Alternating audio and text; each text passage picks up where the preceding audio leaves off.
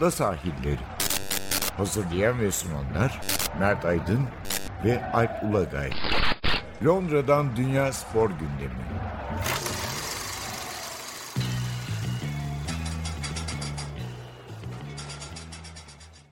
Ada sahillerinden merhabalar. 99. bölümle birlikteyiz. Ben Alp Ulagay. Ben Mert Aydın. Ee, bugün sanıyorum sadece Premier Lig konuşacağız. Yani bir takım başka etkinlikler var. NBA finali de Roland Garros'tur ama çok içine giremedik açıkçası. O yüzden iki ayrı bölümde Premier Lig yapacağız. Ee, son derece ilginç bir hafta sonu yaşadık. Böyle Doğru. bir isyan dalgası vardı. Sebebi de bu elle oynamalar ve bunun penaltılara tesiri açıkçası. Yani Yani yorumcusu, şöyle bir şey var ama teknik direktörü hafta sonu isyan bayrağını açtılar. evet ama şunu söyleyelim haklarını verelim yani. Penaltı kararı veren hakemleri ya da va- VAR e, temsilcilerini değil kuralı eleştiriyorlar ağırlıklı olarak. Çünkü sonuçta kuralın doğru ya da yanlış kuralı tartışabiliriz ama kural uygulayıcılar e, bunu tartışamıyorlar. Yani şimdi hakeme sorsam belki normalde orada penaltıyı vermek istemeyebilir ama kurala uymak zorunda. Bunu da Aslında kural da değil. e, hakemlere hakem kurulu tarafından sezon başında verilen yorum tavsiyesi bu. Yani yorumunuzu böyle yapın. Doğru. E, tavsiye veriliyor ve vücuttan açık el top ne nereden gelirse gelsin e, penaltı olarak değerlendirilmeye başlıyor. Bu sebeple sanıyorum sezon başından beri verilen penaltı sayısı 6. Yani ekstra bir penaltı patlaması var zaten. Yani 3 haftada Doğru. ki 2 de eksik maç var biliyorsun. 28 maçta 20 penaltı oldu. Yani geçen Evet. sezon sanıyorum 8'miş. E, Ee, zaten hani tek bir altısı maçta da- 3 penaltı var yani. e, elle verilen penaltılar. Bir de işte maçın son dakikası, e, kritik dakikalar falan oralarda olunca böyle bir isyan bayrağı açıldı. Özellikle Roy Hodgson değil mi? Çok söylendi. Evet. Biri Roy Hodgson. E, Murillo kendini bir parça tuttu galiba o. evet. En çok ağzı yananlardan biriydi. En ilginç benim ve samimi bulduğum e, Steve Bruce oldu aslında. Steve Bruce Evet. bu hafta bundan faydalanan bir teknik direktör. Doğru. duraklama dakikalarında var katkısıyla verilen bir penaltıyla bir puan aldılar Londra'dan. Peki, Doğru. bu uygulamadan kendi ağzı yanacak. İlerleyen belki 5 hafta sonra 10 hafta sonra. Bunu bildiği için çok samimi bir e, maç sonrası yorum yaptı. Yani şu an sevinçten bizim havalara sıçramamız lazım ama böyle değil. Çünkü aslında çok e, tasvip etmediğimiz bir şekilde e, penaltı bulduk. Yani antrenör olarak bir araya, bir araya gelip buna bir çözüm bulmamız lazım dedi. Hı. Jamie Carragher yorumculardan çok öfkeli ve karşıydı bu uygulamaya. En savunan yani işte uygulama böyle deyip savunan Graham Souness. Ama Evet. e, Ama o bizim bile diyor ki yani futbolun şeyine aykırı diyor. Sadece hakemin bunu vermekten başka bir çaresi yok diyor ağırlıklı olarak. bizim kaydı yaptığımız gün hatta bir gün öncesinde muhtemelen Premier Lig sanıyorum toplandı ve dördüncü hafta itibariyle bir küçük bir değişiklik olacak. Yani dediğimiz gibi kural değişikliği değil. Kural değişikliği olmadığı için takımların oyuna başvurulmamış ama hakemlere verilen tavsiye şu olacak. Biraz daha hoşgörülü davranın.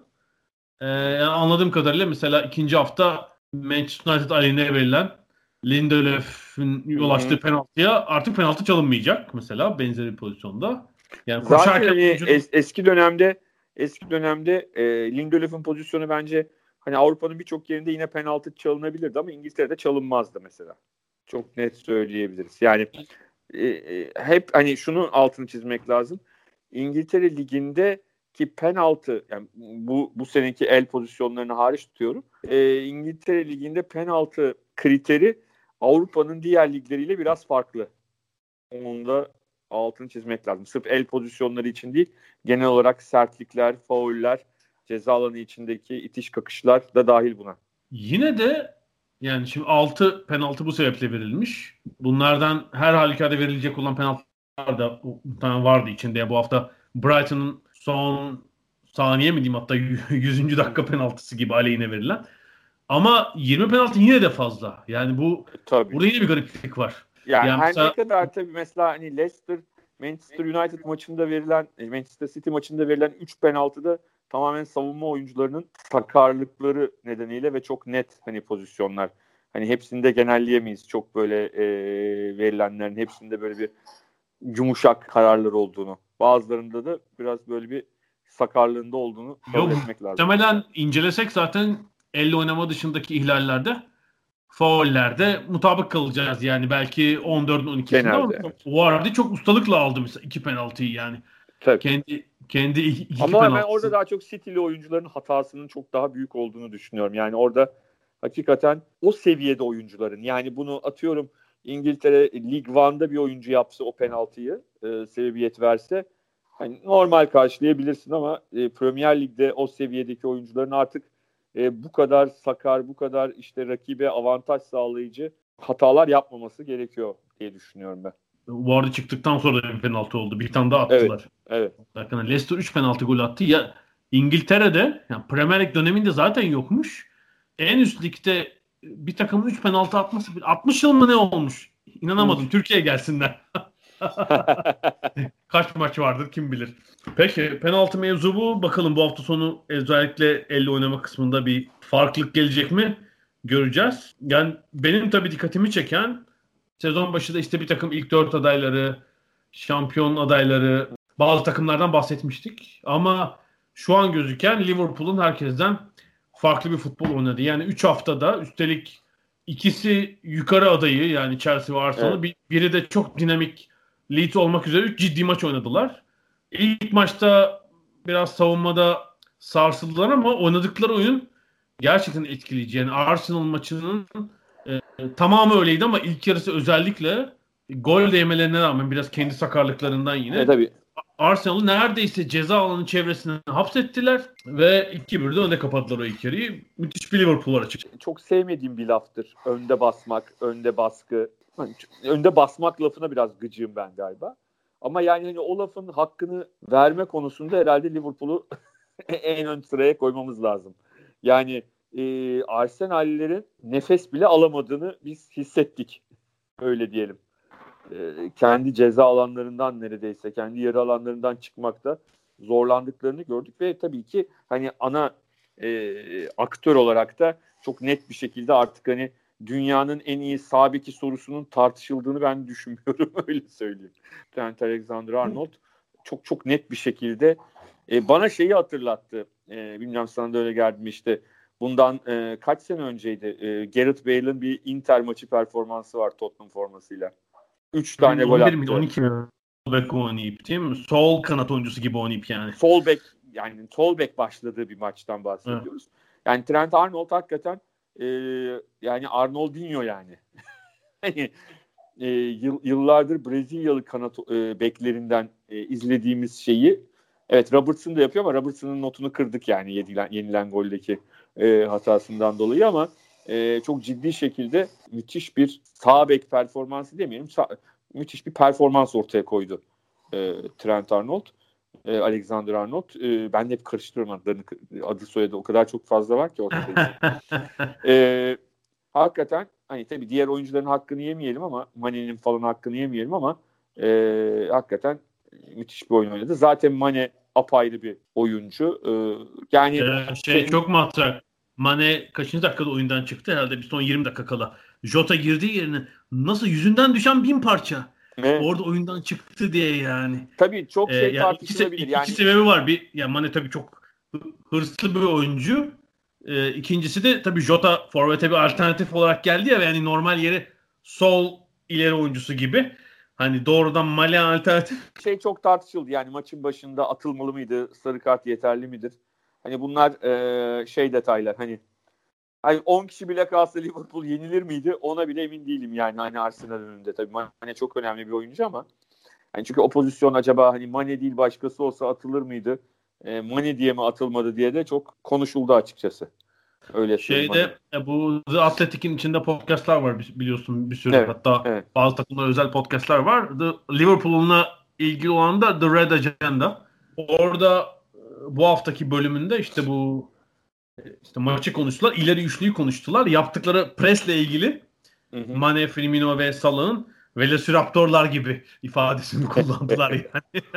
Etobur o Jurassic Park'tan hatırladığımız dinozorlar. Bur ve çevik dinozorlar gibi öyle bir e, pres baskısı var. Yani, yani Arsenal böyle kenarlardan falan çok çok defa şeyi konuştuk. Ee, hani bu bizim podcast'in en çok konuşulan konularından biri olabilir. Klişelerinden bir tanesi.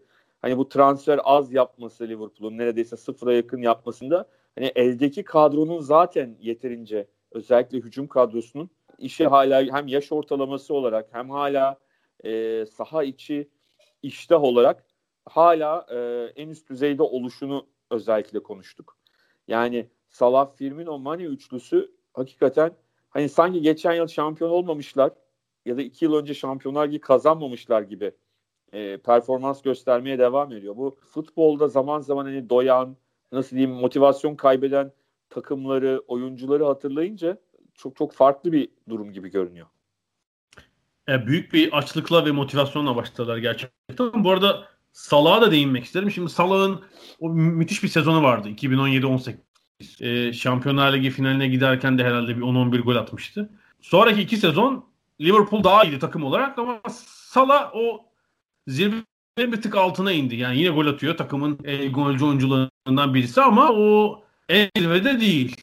Hı hı. Şimdi bununla ilgili herhalde bir 3-4 ay oldu. Bir ya bir podcast ya bir makale bir şey okumuştum. Salah hem bu presteki yani oyunun savunma tarafındaki hı. katkı için hem de rakip savunma oyuncularının şarjlarına daha fazla dayanabilmek için e, biraz daha fazla kas çalışmış. Yani belli evet. ki kas kilosu edinmiş ama tabii bu tip oyuncularda sen de çok iyi biliyorsun. İşte yani sadece hızı değil çabukluğuyla, çalımıyla ön plana çıkan oyuncularda bu şey mevzu var. Yani Çevikliği. kilo olmak demek aynı zamanda çeviklikten, Tabii. çabukluktan biraz yitirmek de demek. Şeyde e, geçen sene olması lazım. Sokrates Türkiye'de çok hoş bir röportaj çıktı. Serdar Şenkaya'ydı değil mi? Sakarya dörtlüsünün Serdar. Evet, evet doğru. Serdar Şenkaya. O Serdar Sakarya dörtlüsünden hani böyle bir yarım sezon oynayıp sonra gözden düşen oyuncu. Sonra da futbol yani içinde kalmamış. O dönemi gerçekten. yaşamayanlar dışında kimsenin hatırlamadığı bir oyuncu. E ya 40 yaşın altı pek hatırlamaz açıkçası.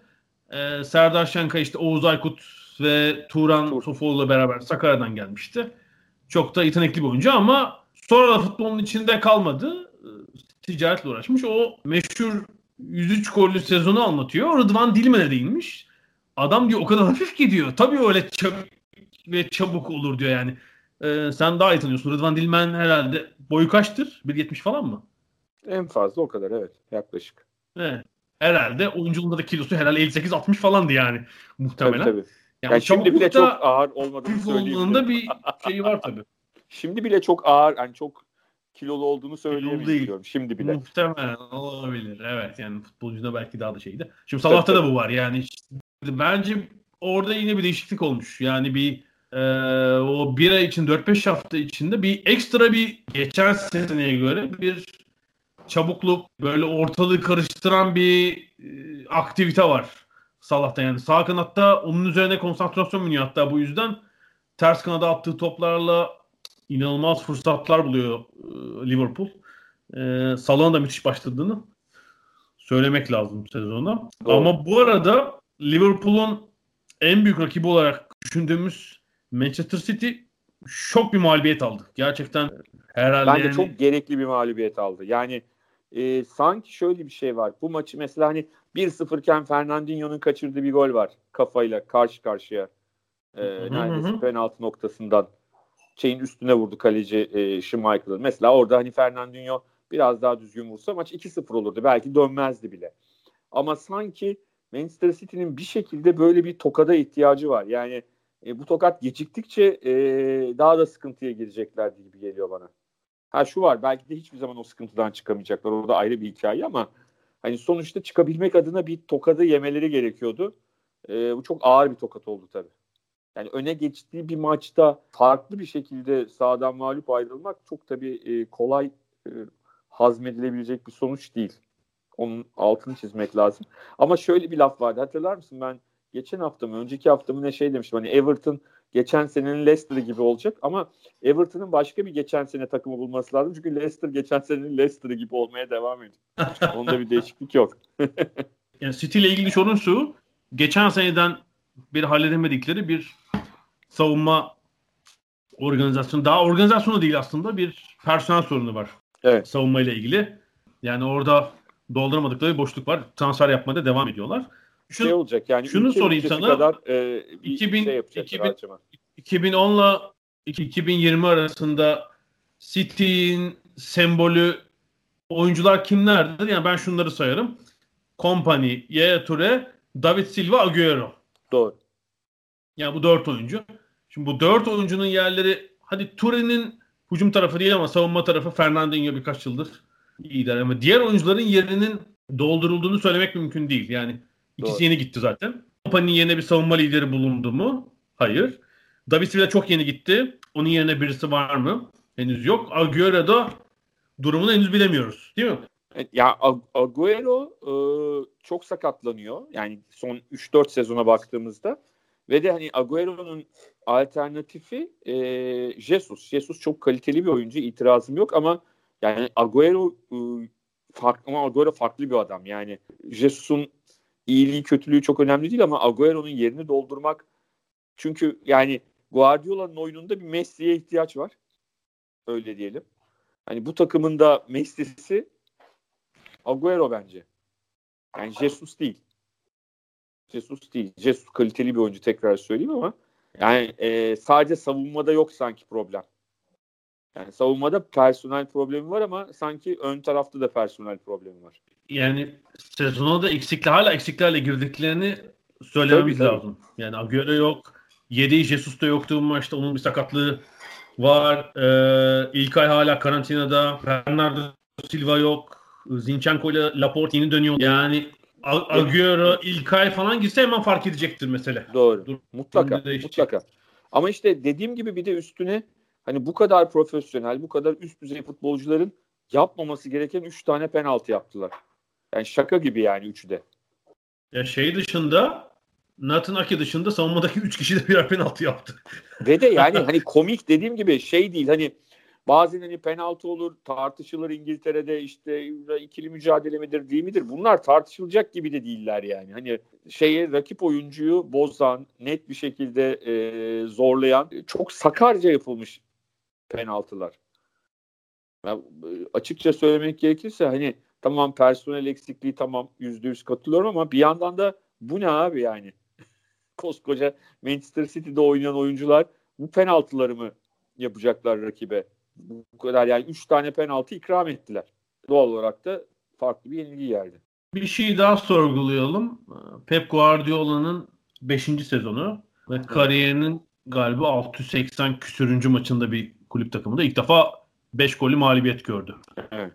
Zaten Barcelona, Bayern Münih ve Manchester City çalıştırdığı takımda. ilk defa bir takımda 5. sezonu. Yani acaba bir fazla 5. yıl mı? Yani evet. E, yani açıkçası Barcelona'da da 4 yıl kalıp bitirmişti. Evet. Bayern yani sanki bir şey noktasına doğru gidiyor. Yani hani dönüm noktası. Yani o dönüm noktasında ya hani her şey istediği yöne dönecek ve e, City çok iyi yere gidecek ya da e, belki de sezonu bitirmeden ayrılması gereken e, bir noktaya gelecek City'den. Sanki hani e, bu çok iki tane apayrı şey her e, hoca için, herkes için geçerli değil ama sanki gelişen gelen gelinen noktada böyle bir durum var gibi geliyor bana biraz e, Pep açısından. E, bir de şu var. Bu Lyon maçında elendikten takımdan gelen bir içinden gelen bir bilgi. Biraz o maçtaki taktiklerle ekstra oynaması sebebiyle bir hoşnutsuzluk var galiba. Böyle bir hava var yani soyunma odasında. Yani bir iki kötü sonuç daha Pep de olsanız birden soyunma odasının hakimiyetini, desteğini yitirebilirsiniz. Hiç tahmin etmediğimiz bir yerde görebiliriz yani City'yi. Tabii şu var. Liverpool böyle devam ederken birden bir bakmışız. Yani 8. hafta 7 puan falan fark var. 8 puan fark var. İş gidiyor durumuna gelirse çok garip olur gerçekten. Yani iki takım ne zaman oynayacaklar? 7 Kasım'da oynayacaklar. Hani bu kadar City konuştuk ama Leicester'dan bahsetmemiz gerekiyor herhalde.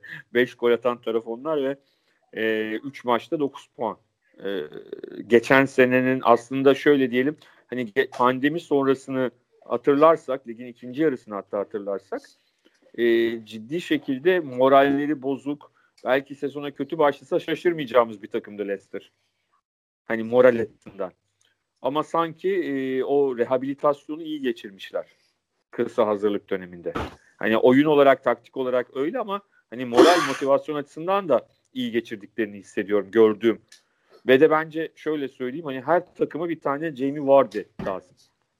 Yani gol atıyor, takımı e, gol atıyor, attırıyor, e, takımı motive ediyor. Ya e, şeyi fark ettin mi? Beşinci golden sonra Tielemans'ın attığı kenarda. Hani sanki o dördüncü golünü atmış kadar. Ve hani zaten maç 5-2 olmuş zaten kazanmış ama hani o kadar seviniyordu ki. çok çok e, bence özel hani ileride çok anlatılacak bir oyuncu. Belki geç bir şekilde profesyonel hayata e, girmiş bir oyuncu ama hani benim en çok hani takdir ettiğim e, oyuncular listesinde çok önlere fırlıyor. Fırlamaya başladı e, Jamie Vardy. İlk sezona bayağı eksiklerle başlamalarına rağmen Madison işte yeni ısınıyor muazzam bir gol attı. Evet süper. Ama işte duyduğum kadar okuduğum kadarıyla Pereira da idmanlara başlamış. Belki milli maç arasından sonra o da kadroya dahil olur. Yani Şimdi Pereira şeyi alıyorlar değil mi? Wesley Fofana'yı savunmayı güçlendirme adına. Ee, orada çünkü savunmada bu hafta e, Daniel Amartey oynadı ama e, üçlü bir savunma yaptılar bu, hafta. Evet sadece. yani şey Üçlü yok. Bir savunma. Ha? Ee, West Morgan'a pek güvenecek hali yok yani stoper yedeği yok çünkü. Evet, evet. Savunmanın göbeğinde. Oraya bir oyuncu almak istiyordu şey. Brandon Rodgers herhalde o amacına ulaştı. Leicester gerçekten iyi başlangıç. Yani şimdi iki maçı da kendi sahalarında oynayacaklar. Herhalde onları o ilk dört mücadelesinin içinde göreceğiz. Öyle gözüküyor. Evet yani e, o güveni e, gösteriyorlar. Tekrar söyleyeyim yani hani geçen sezonun ikinci yarısında yaşananlardan sonra çok güzel bir toparlanma yaşamışlar. Demek ki sorunların ne olduğunu çözmüşler. Moralleri bozmamışlar. E, hayata devam ediyorlar. Birbirlerine güveniyorlar hem takım olarak hem hocalarına. E, bence bu önemli. Bir de hani gerçekten hani Çağlar şimdi Cengiz de geldi ama hani onlar olmasa da ben hani e, tarafsız bir açıdan bakıldığında bile çok sempatik bir takım olduklarını söyleyebilirim. Hani oynadıkları oyunla da. Manchester City galibiyetleri de o e, önceki iki haftadaki galibiyetlerinin üstüne hakikaten çok güzel bir e, final oldu diyelim en azından ilk üç maç.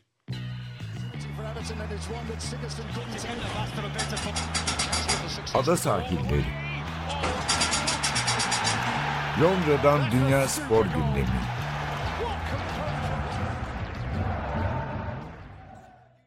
Ada sahilleri 99'da devam ediyoruz. Premier Lig'deydik.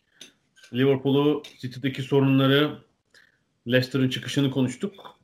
Şimdi diğer takımlara bakalım.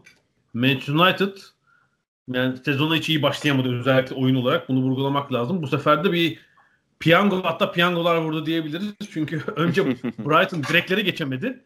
Ee, evet, evet. 5 topu direkten döndü Brighton'ın. Ee, ben de futbol arana için haftanın notları yazmaya devam ediyorum Premier Lig'den. Haftanın rakamı olarak yani o 5 sayısını vurguladım açıkçası. Yani istatistikler tutulmaya başladığından beri e, en çok bir maçta topa en çok direkten dönen takım ya şeyleri Muhtemelen vardır ama evet. Mesela hani uzaktan atılan şutların direkten dönmesini şanssızlıktır bence de ama hani kalenin dibinden de atın be abi artık. Kale hani iki tane üç tane direk var arasından geçir topu yani kalenin dibinden. Trossard'ın 3 tane döndü herhalde değil mi? Tabii uzaktan vuruyor. Evet. Bir de ceza, ceza dışından falan da vuruyor direkten. Yakından direkten. Ya dediğim gibi cezanın dışındakini anlayabiliyorum. Yani hani onu bir onlar şanssızlık hakikaten. Ama yani kalenin dibinden de at abi artık. küçükmüş küçükmüş. Direkler küçükmüş. O, 12 santim. Olur ya bazen böyle itirazlar. Abi üst direk alacak falan. Evet oluyor ya bazen üstü, çıkıyor. Bir gerçekten. de... neydi Tottenham'ın maçında?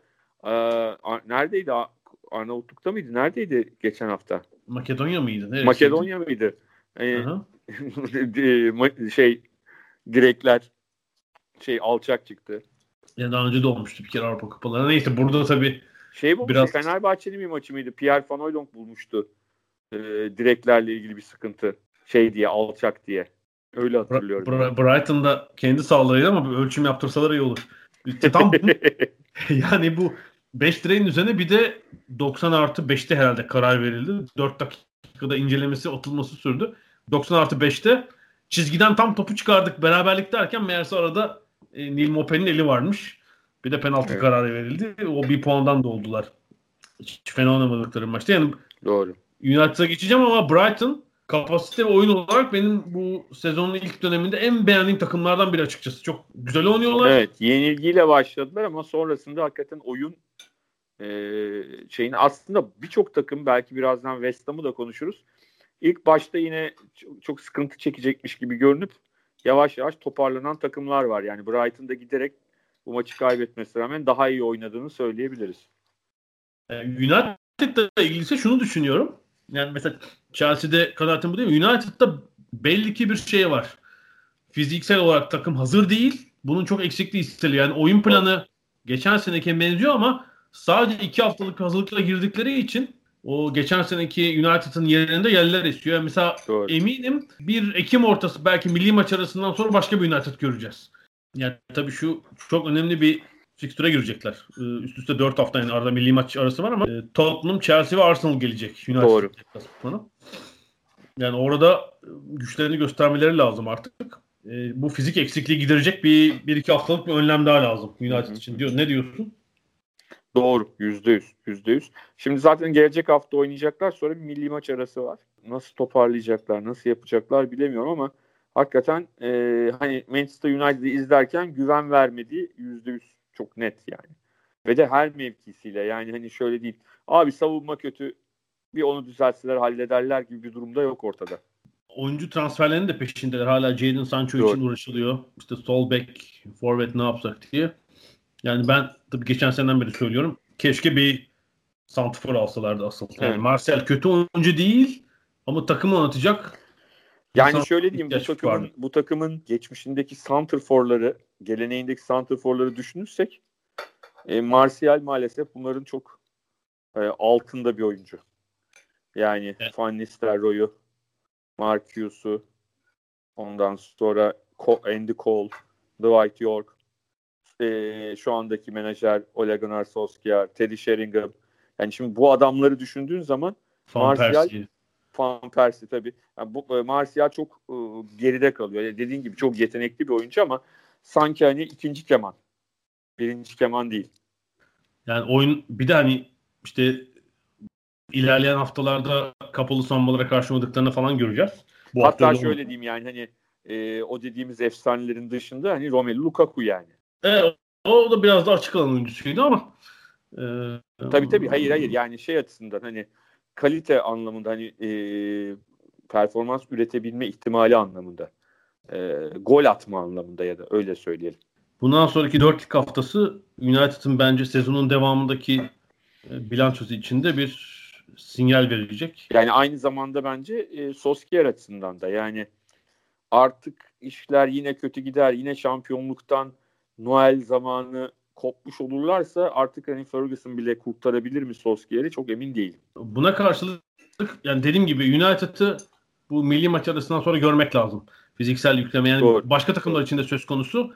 Birçok takım muhtemelen Ekim ayının ikinci yarısında hazır hale gelecek. Türkiye'deki gibi diyorum ilk defa oldu İngiltere'de. Yani bizde de hani ilk ilk haftaya hazır olan takım hiç olmaz ya. Sen Buna karşılık ettin Chelsea'de bence farklı bir durum var. Ee, yani fiziksel hazırlıksızlıktan öte bir saha içinde bir organizasyon problemi var. Yüzde yüz. Chelsea'de. Yüzde yüz. Yani gelenler, gidenler ya şöyle geçen kadroya baktım. Bak kaleciler hariç 25 oyuncu var. Kalecileri ayırıyorum çünkü onlar sadece kendi mevkisinin alternatif. 25 oyuncu yani kimi nerede oynatacaksın? Zaten işte bugün gelen haber Ross Barkley'i Aston Villa'ya kiraya verdiler. Ya 4-5 oyuncunun sırf Tabii. şeyin rahatlaması için soyunma odasının gitmesi lazım. Yani hem Şeyi oynamaları için tabii ki. Şimdi biraz daha abartarak söyleyeyim. Hector Cooper dönemindeki Inter iki ayrı takım idman yapardı. 20 kişilik falan sezon başında. Muhtemelen başka örnekler de buluruz arasında ama bir öyle problem var. İkincisi yani takımın ne ben Chelsea ne oynamak istiyor anlam yani şey bile oldu ilk yarıda. West Brom'un 3 gol atması herhalde pek bu hafta öncesi aklımıza gelmeyen bir durumdu. Ee, Thiago En azından Silva hiç gol yemeden 3 gol attı. Sol stoperde başladı. Sonra sağa geçti. Devre sonunda ikinci yarı tekrar sola geçti falan. Stoperler yer değişiyor. Werner Santifor başladı. Kanada geçti. Giroud, Tammy Abraham çift stop Santifor. Garip garip şeyler deniyor. Şöyle ilginç bir şey. Martin Caladine. Lampard bu görevin adamı değil. Sırf işte eski Chelsea oyuncusu falan olduğu için bu göreve getiriyor. Yani böyle bir şeyden çıktı değil mi bu akım? Daha önce de vardır muhtemelen. Ama Pep Guardiola hani bir şey örnekti tabii. Tabii. Barcelona tabii. efsanesi. E, bir yıl B takımda çalışıp tık diye takımın başına gelmiş. Şimdi Lampard, işte Pirlo örneği var. Sanki herkes Pep gibi şey olacak yani. Solskjaer. Takım alıp ne diyorsun? Böyle abartılan bir şey mi Lampard? Geçen yıl yaptığı işi küçümsemiyorum. Geçen yılki e, yaptığı şey bence başarıydı. Yani hani o kadroyla e, geldiği nokta. E, bu sefer bu kadar transferden sonra ne yapacağı yani ben, ben biraz daha beklemek gerektiğini düşünüyorum. Sonuçta o transferlerin birçoğu yaptığı transferlerin birçoğu oynayamadı daha. Yani Hakim Ziyech'i işte Chilwell bütün kadro tam kadro bir izlemek lazım. Thiago'nun da mesela hani yaptığı hata çok büyük. Hani şöyle diyelim milli takımdaki partneri David Luiz'in hatalarına benzeyen bir hatayla gol yedirdi. ee, ama hani Thiago Silva abi en son Şampiyonlar Ligi finali oynadı. Yani ne zaman oynadı? Daha yeni oynadı ya. Yani 35 yaşında bir adamdan bahsediyoruz. Ne zaman oynadı? Ne zaman geldi? Ne zaman Chelsea ile e, sezon öncesi hazırlığı yaptı? Yani bunları da düşünmek lazım. Bütün takımları eleştirirken. Belki işte bakıyorsun Manchester City ile Manchester United bir hafta geç başladılar lige. Öyle ya da böyle. Ama Thiago Silva bir hafta geç başlama e, lüksüne sahip miydi? Ya da o, onun durumu daha mı farklıydı? Bilmiyorum. Yani biraz Chelsea için e, ben hep şunu düşünüyorum. Hani seninle daha önce konuştuk. Hani Hakim Ziyech bence bu sene Chelsea'nin başarılı ya da başarısız olacağına karar verecek isim. Ben öyle düşünüyorum. Onun için evet. önce bir o gelsin. Ee, onun e, performansıyla takımın oyunu nasıl oluyor? Bunu bir görelim. Ben ondan sonra Lampard'ı yargılama, kötü bir şekilde yargılama taraftarıyım. Şu anda tarafsızım. Şu anda bekliyorum. Pulisic de görmeliyiz tekrar tabii. Yani geçen sezon sonunu iyi bitirmişti. O da yok. Yani Doğru. sağ içindeki personelde değişecektir herhalde ilerleyen haftalarda. Ama oyun olarak ilk 3 haftada pek iyi olmadığını Chelsea'nin de. Doğru. Yani söyle... aslında hani rakibi Bilic'in West Bromwich'i olmasaydı daha da büyük bir dağılma görebilirdik. Yani hani Bilic klasik hani 10-0 biri ilk yarıyı önde kapatsa Bilic'in takımı onun olma ihtimali her zaman vardır. Biliyorsun. bu bu e, ormanda en çok söylenen atasözlerinden bir tanesidir. E, burada da 3-0'dan e, maçı vermeyi en azından berabere bitirmeyi başardı.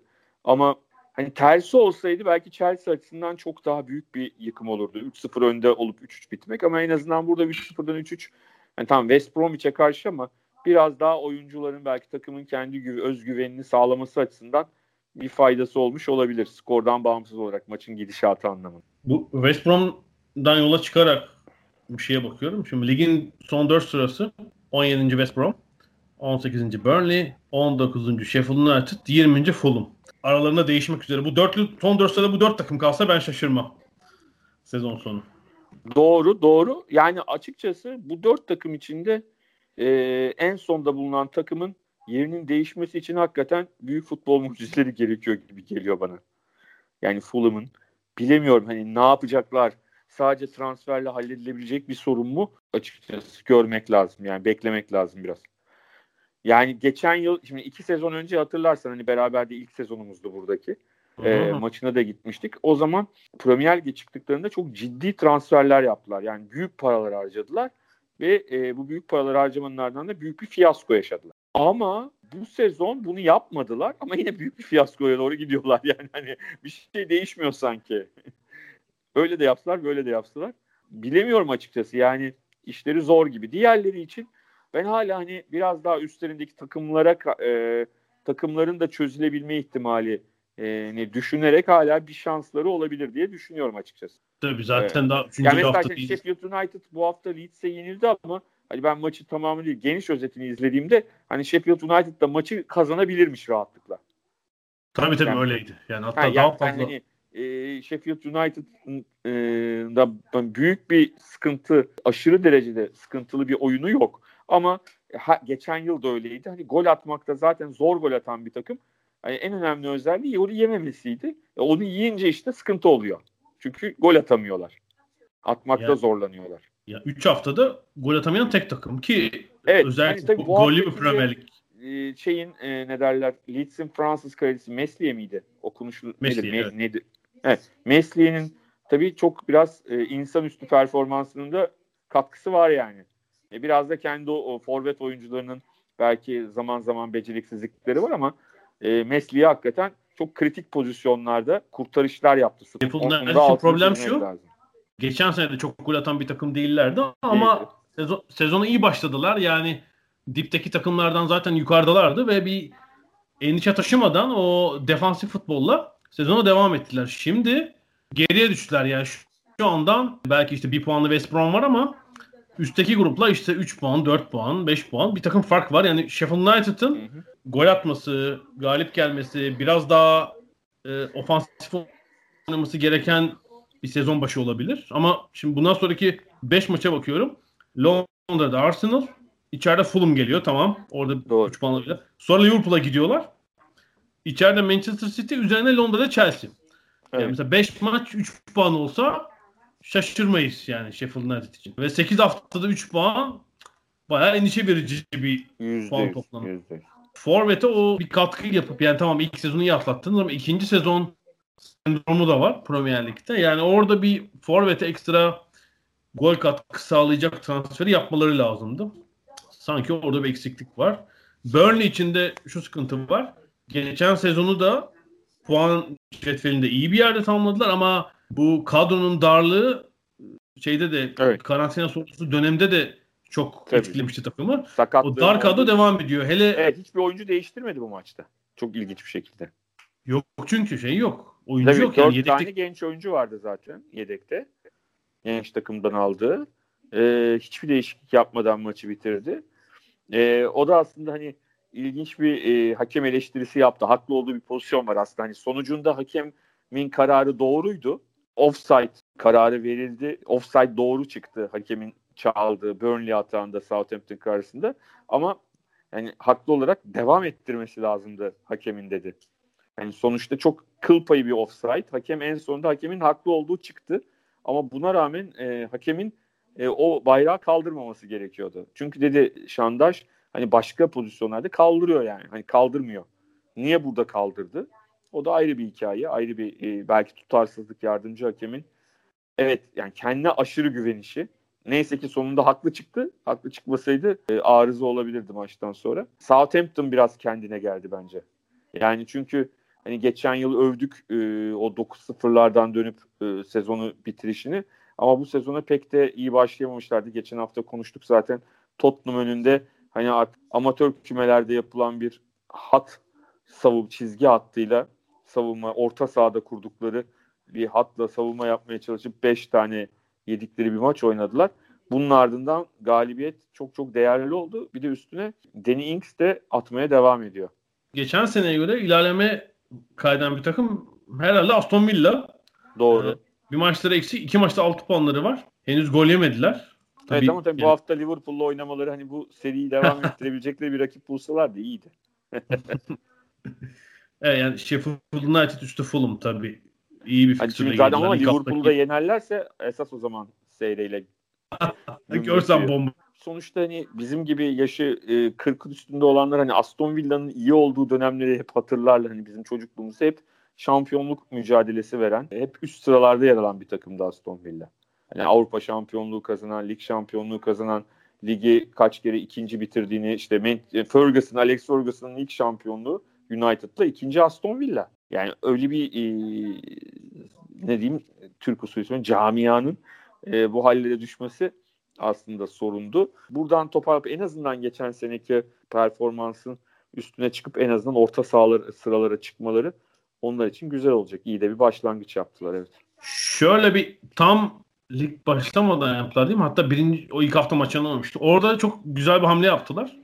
Geçen sezonu Arsenal kalesinde Lennon'u sakatlığından tamamlayan Emiliano Martinez aldılar. Doğru. Yani aslında Martinez Arsenal'ın yedek kalecisiydi ama o 8.5 maçta çok iyi oynadı. Martinez ve Arsenal'ın belki artık yıllardır takımda ama hani birinci kalecide olamıyor. Belki birkaç yüz bin pound'a gönderecekken 20 milyon pound'a sattı. Aston Villa ama Martinez bir yani iyi bir durdurucu, top tutucu. İkincisi ayakları iyi. Yani Aston Villa'yı bir tık yukarı çıkarabilir. Onu da yani bir kritik hamle yaptılar. Ee, birinci kaleci Heaton da sakat. Geçen sene çünkü Reyna falan geldi. Kaleciden de biraz çekmişlerdi açıkçası. Öyle bir artı hamlesi oldu Aston Villa'nın. Bunu da eklemek lazım. West Ham'da bir ciddi kıpırdanma oldu tabii. Hı hı. Hı Bu hafta. 4-0'lık bir Wolverhampton galibiyeti. Evet evet yani hani West Ham ilk hafta yani West Ham'ın ilk hafta sorunu hani Newcastle'a yenilmiş olması değildi. Sahadaki hani e, ne diyeyim vurdum duymaz oyun, e, darmadağınık oyun. E, hani Newcastle dışında daha agresif bir takımdan çok daha büyük bir fark yiyebilirlerdi ilk hafta. Yani ne bileyim bir Liverpool'la falan ilk maça çıkmış olsalardı, agresif bir takımla Leicester'la oynamış olsalardı hakikaten çok fena bir sonuçla çıkarlardı o oyunla. Ama oyunu giderek geliştiriyorlar ve e, hani Wolverhampton'ı 4-0 yenmek de kolay bir iş değil. West Ham United'ın problemi şu hatta şöyle diyeyim yani kaynaklarına göre en kötü yönetilen takımı Premier Lig'in. Böyle bir değerlendirme var West Ham United için.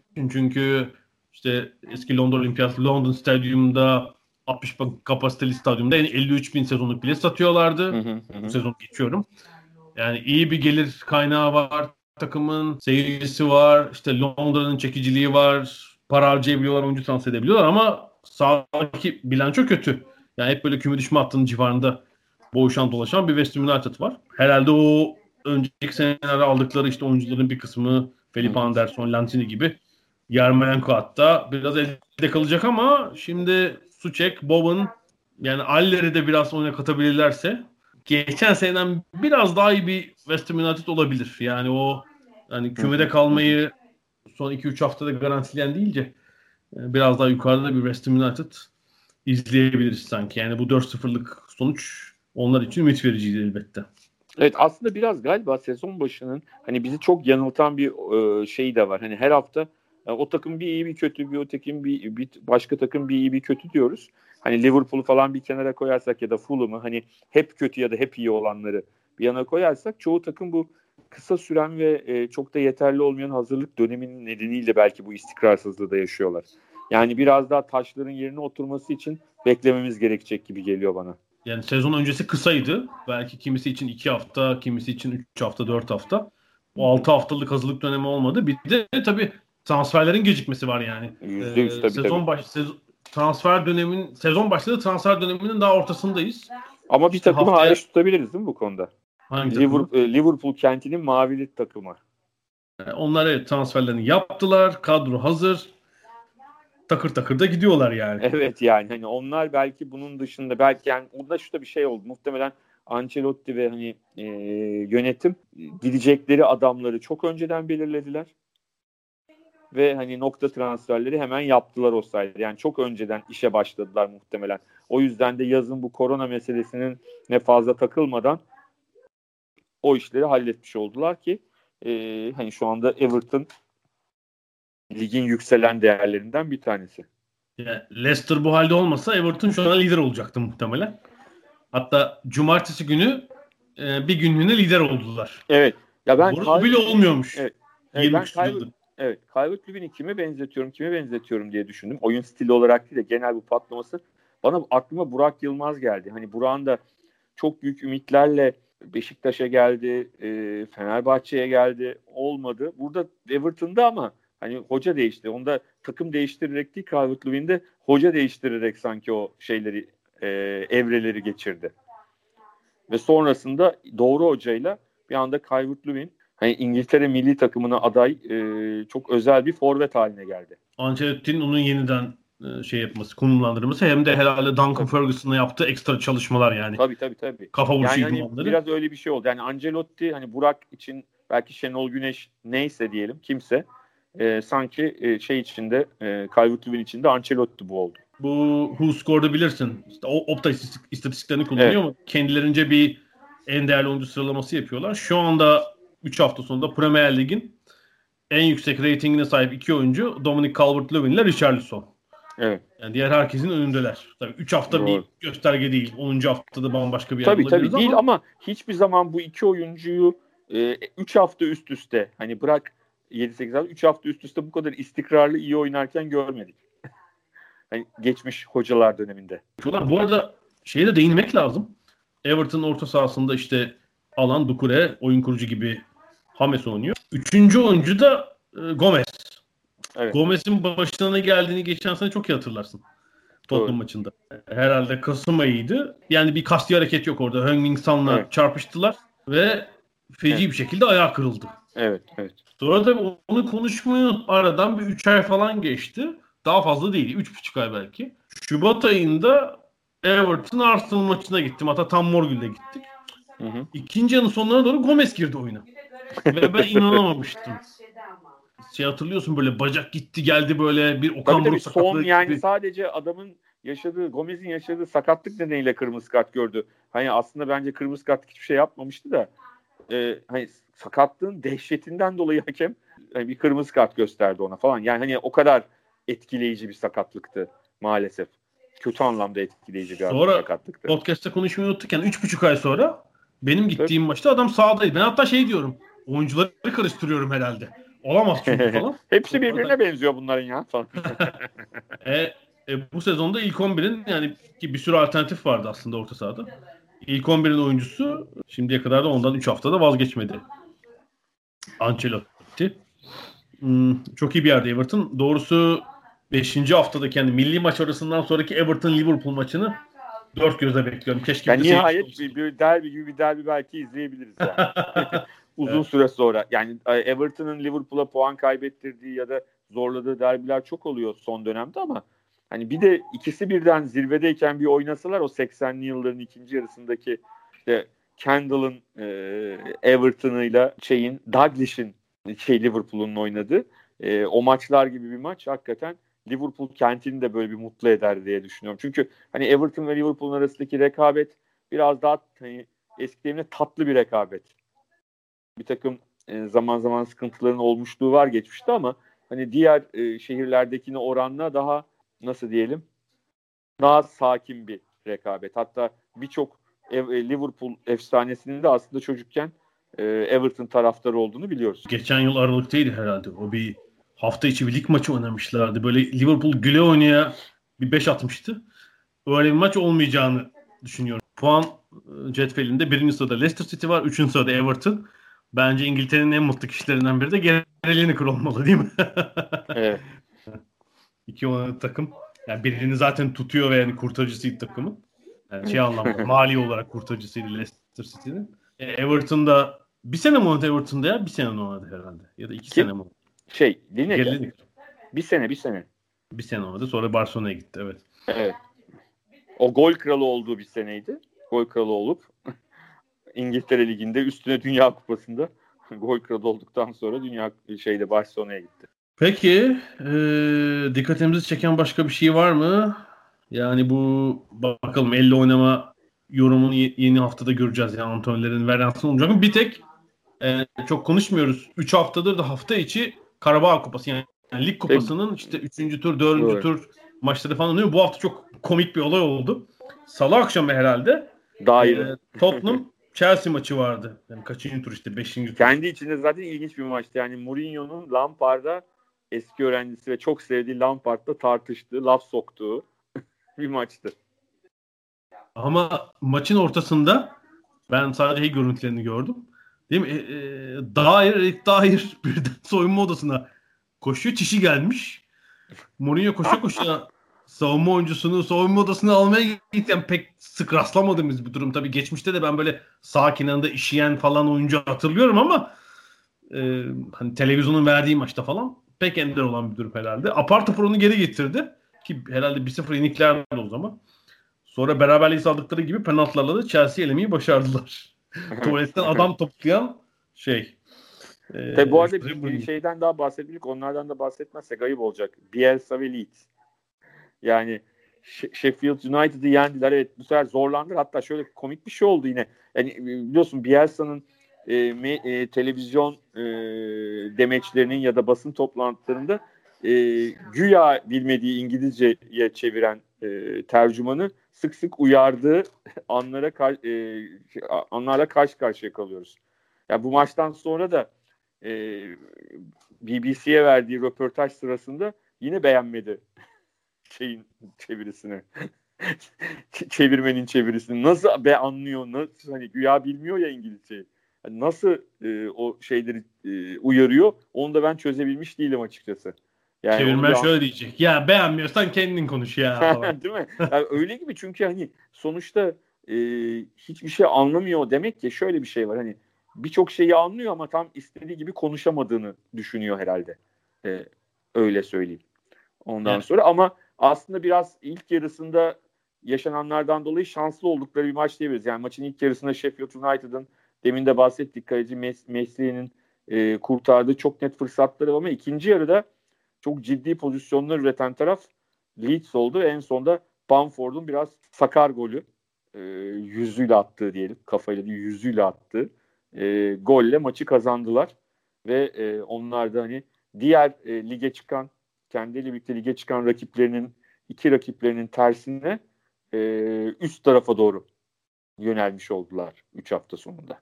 Birkaç gün önce bu Bielsa'nın eski şeylerine bakayım. Maç sonu demeçlerinde basın toplantısında diye. Ya bir İngilizce bir isim yani bir oyuncu ismi, bir yer ismi, takım ismi telaffuz etmesi lazım. Onu da beceremiyor. Ne komiklikler var. Çok komik oldu. Bence telaffuzuna güvenmiyor. Anlıyor falan. Bence Güzel. de. Bence de. yani çünkü bazı insan öyledir. Hani hep konuştuğumuz, anlattığımız şeyler. Yani hani yüzde yüz e, istediği gibi yapamayacaksa yapmamayı tercih ediyorlar. Hani yapıp biraz şirinlik yapmak yerine e, şey yapmayı tercih ediyor. Tabii yani hani şöyle bir şey var. Şimdi diğer hocaların mesela hani kulübün falan zaten e, sonuçta daha önceden işte bir Almanın İngilizce biliyor olması e, çok anormal bir şey değil. Zaten hani kültürel olarak çok birbirlerinin uzakta değiller. E, bir şekilde Almanya'da yabancı dil olarak İngilizce öğrenmek çok e, normal. Hani kimisi çok iyi bilmez, kimisi bir, şey, bir şekilde ama e, hani ne diyeyim öyle ya da böyle az ya da çok e, öğrendikleri bir dil oluyor. Onun üstüne hani geliştirmek için bir şeyler yapabiliyor ama Güney Amerikalılar için iş o kadar kolay olmuyor gibi geliyor bana. Herhalde bir birkaç gün oldu. Ee, Avrupa'da AB ülkelerinde daha doğrusu tüm Avrupa'da AB ülkelerinde İngilizce konuşabilme oranı diye bir şey. Hı hı. Tahmin edebileceğin gibi birinci ülke Hollanda yüzde doksan. Tabii. Yani Hollanda'da. Tabii. O muhtemelen Almanca konuşabilme şeylerinde de en üstte olabilir yani hani Almanya dışındaki ülkeler içinde. Hayır şöyle diyeyim. Mesela İrlanda'daki şey yüzde 95 zaten. Yüzde yüz değil mesela. Falan yani. İşte Hollanda 90. Neresi çok yüksekti başka? Mesela Norveç değil. İsveç, Finlandiya hatırlıyorum. Almanya'da da bayağı yüksek. Tabii Güney Avrupa'ya indi mi %25'e 20'ye falan iniyor. Tabii, yani. tabii, tabii, en doğru. kötü Yunanistan çok iyi mesela. Beni şaşırttı. Ee, yani herhalde Eurostat yapmıştır bunu. En kötü herhalde Baltık ülkelerini hatırlayamadım. Portekiz'de İspanya. Yani İtalya'dan daha kötü mesela. Ben hani hmm. daha iyidir diye düşünmüştüm. İtalya'dan yani kötü. Tabii orada yani insanı şaşırtan işte e, Mourinho ve Santo Espirito biraz istisna oluyorlar aslında. Portekiz'den gelip çok net bir şekilde İngilizce konuşan. Zaten belki de İngilizce öyle konuştukları için oralara gelebilmiş durumdalar. Bir yandan da. Zaten Mourinho'nun neden yani yükselişinin nedenlerinden bir tanesi o zaten. Hani üst düzeyde ilk kendini gösterebilme nedenlerinden bir tanesi.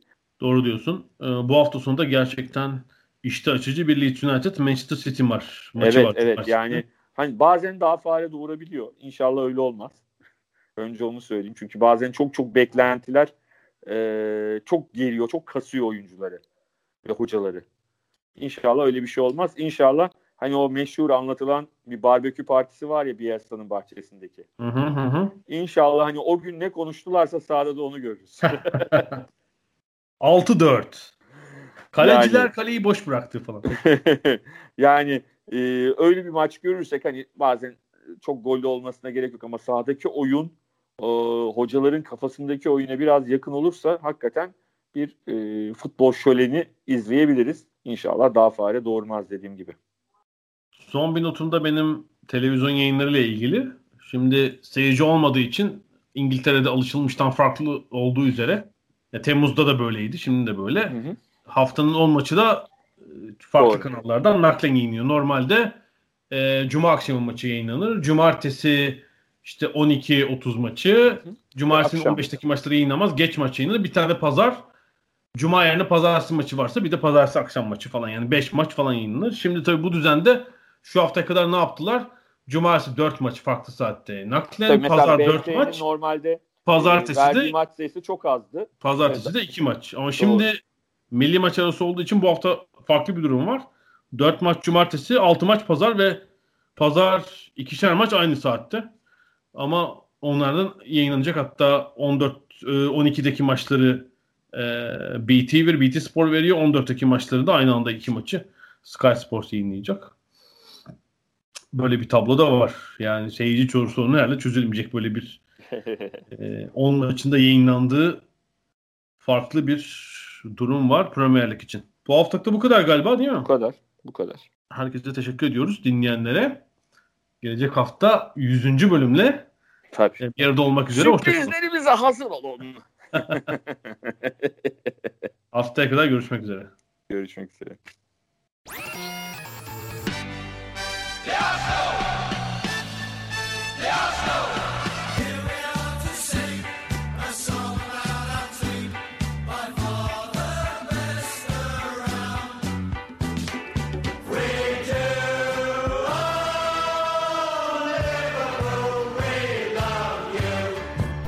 Ada sahilleri. Hazırlayan ve sunanlar Mert Aydın ve Alp Ulagay. Londra'dan Dünya Spor Gündemi.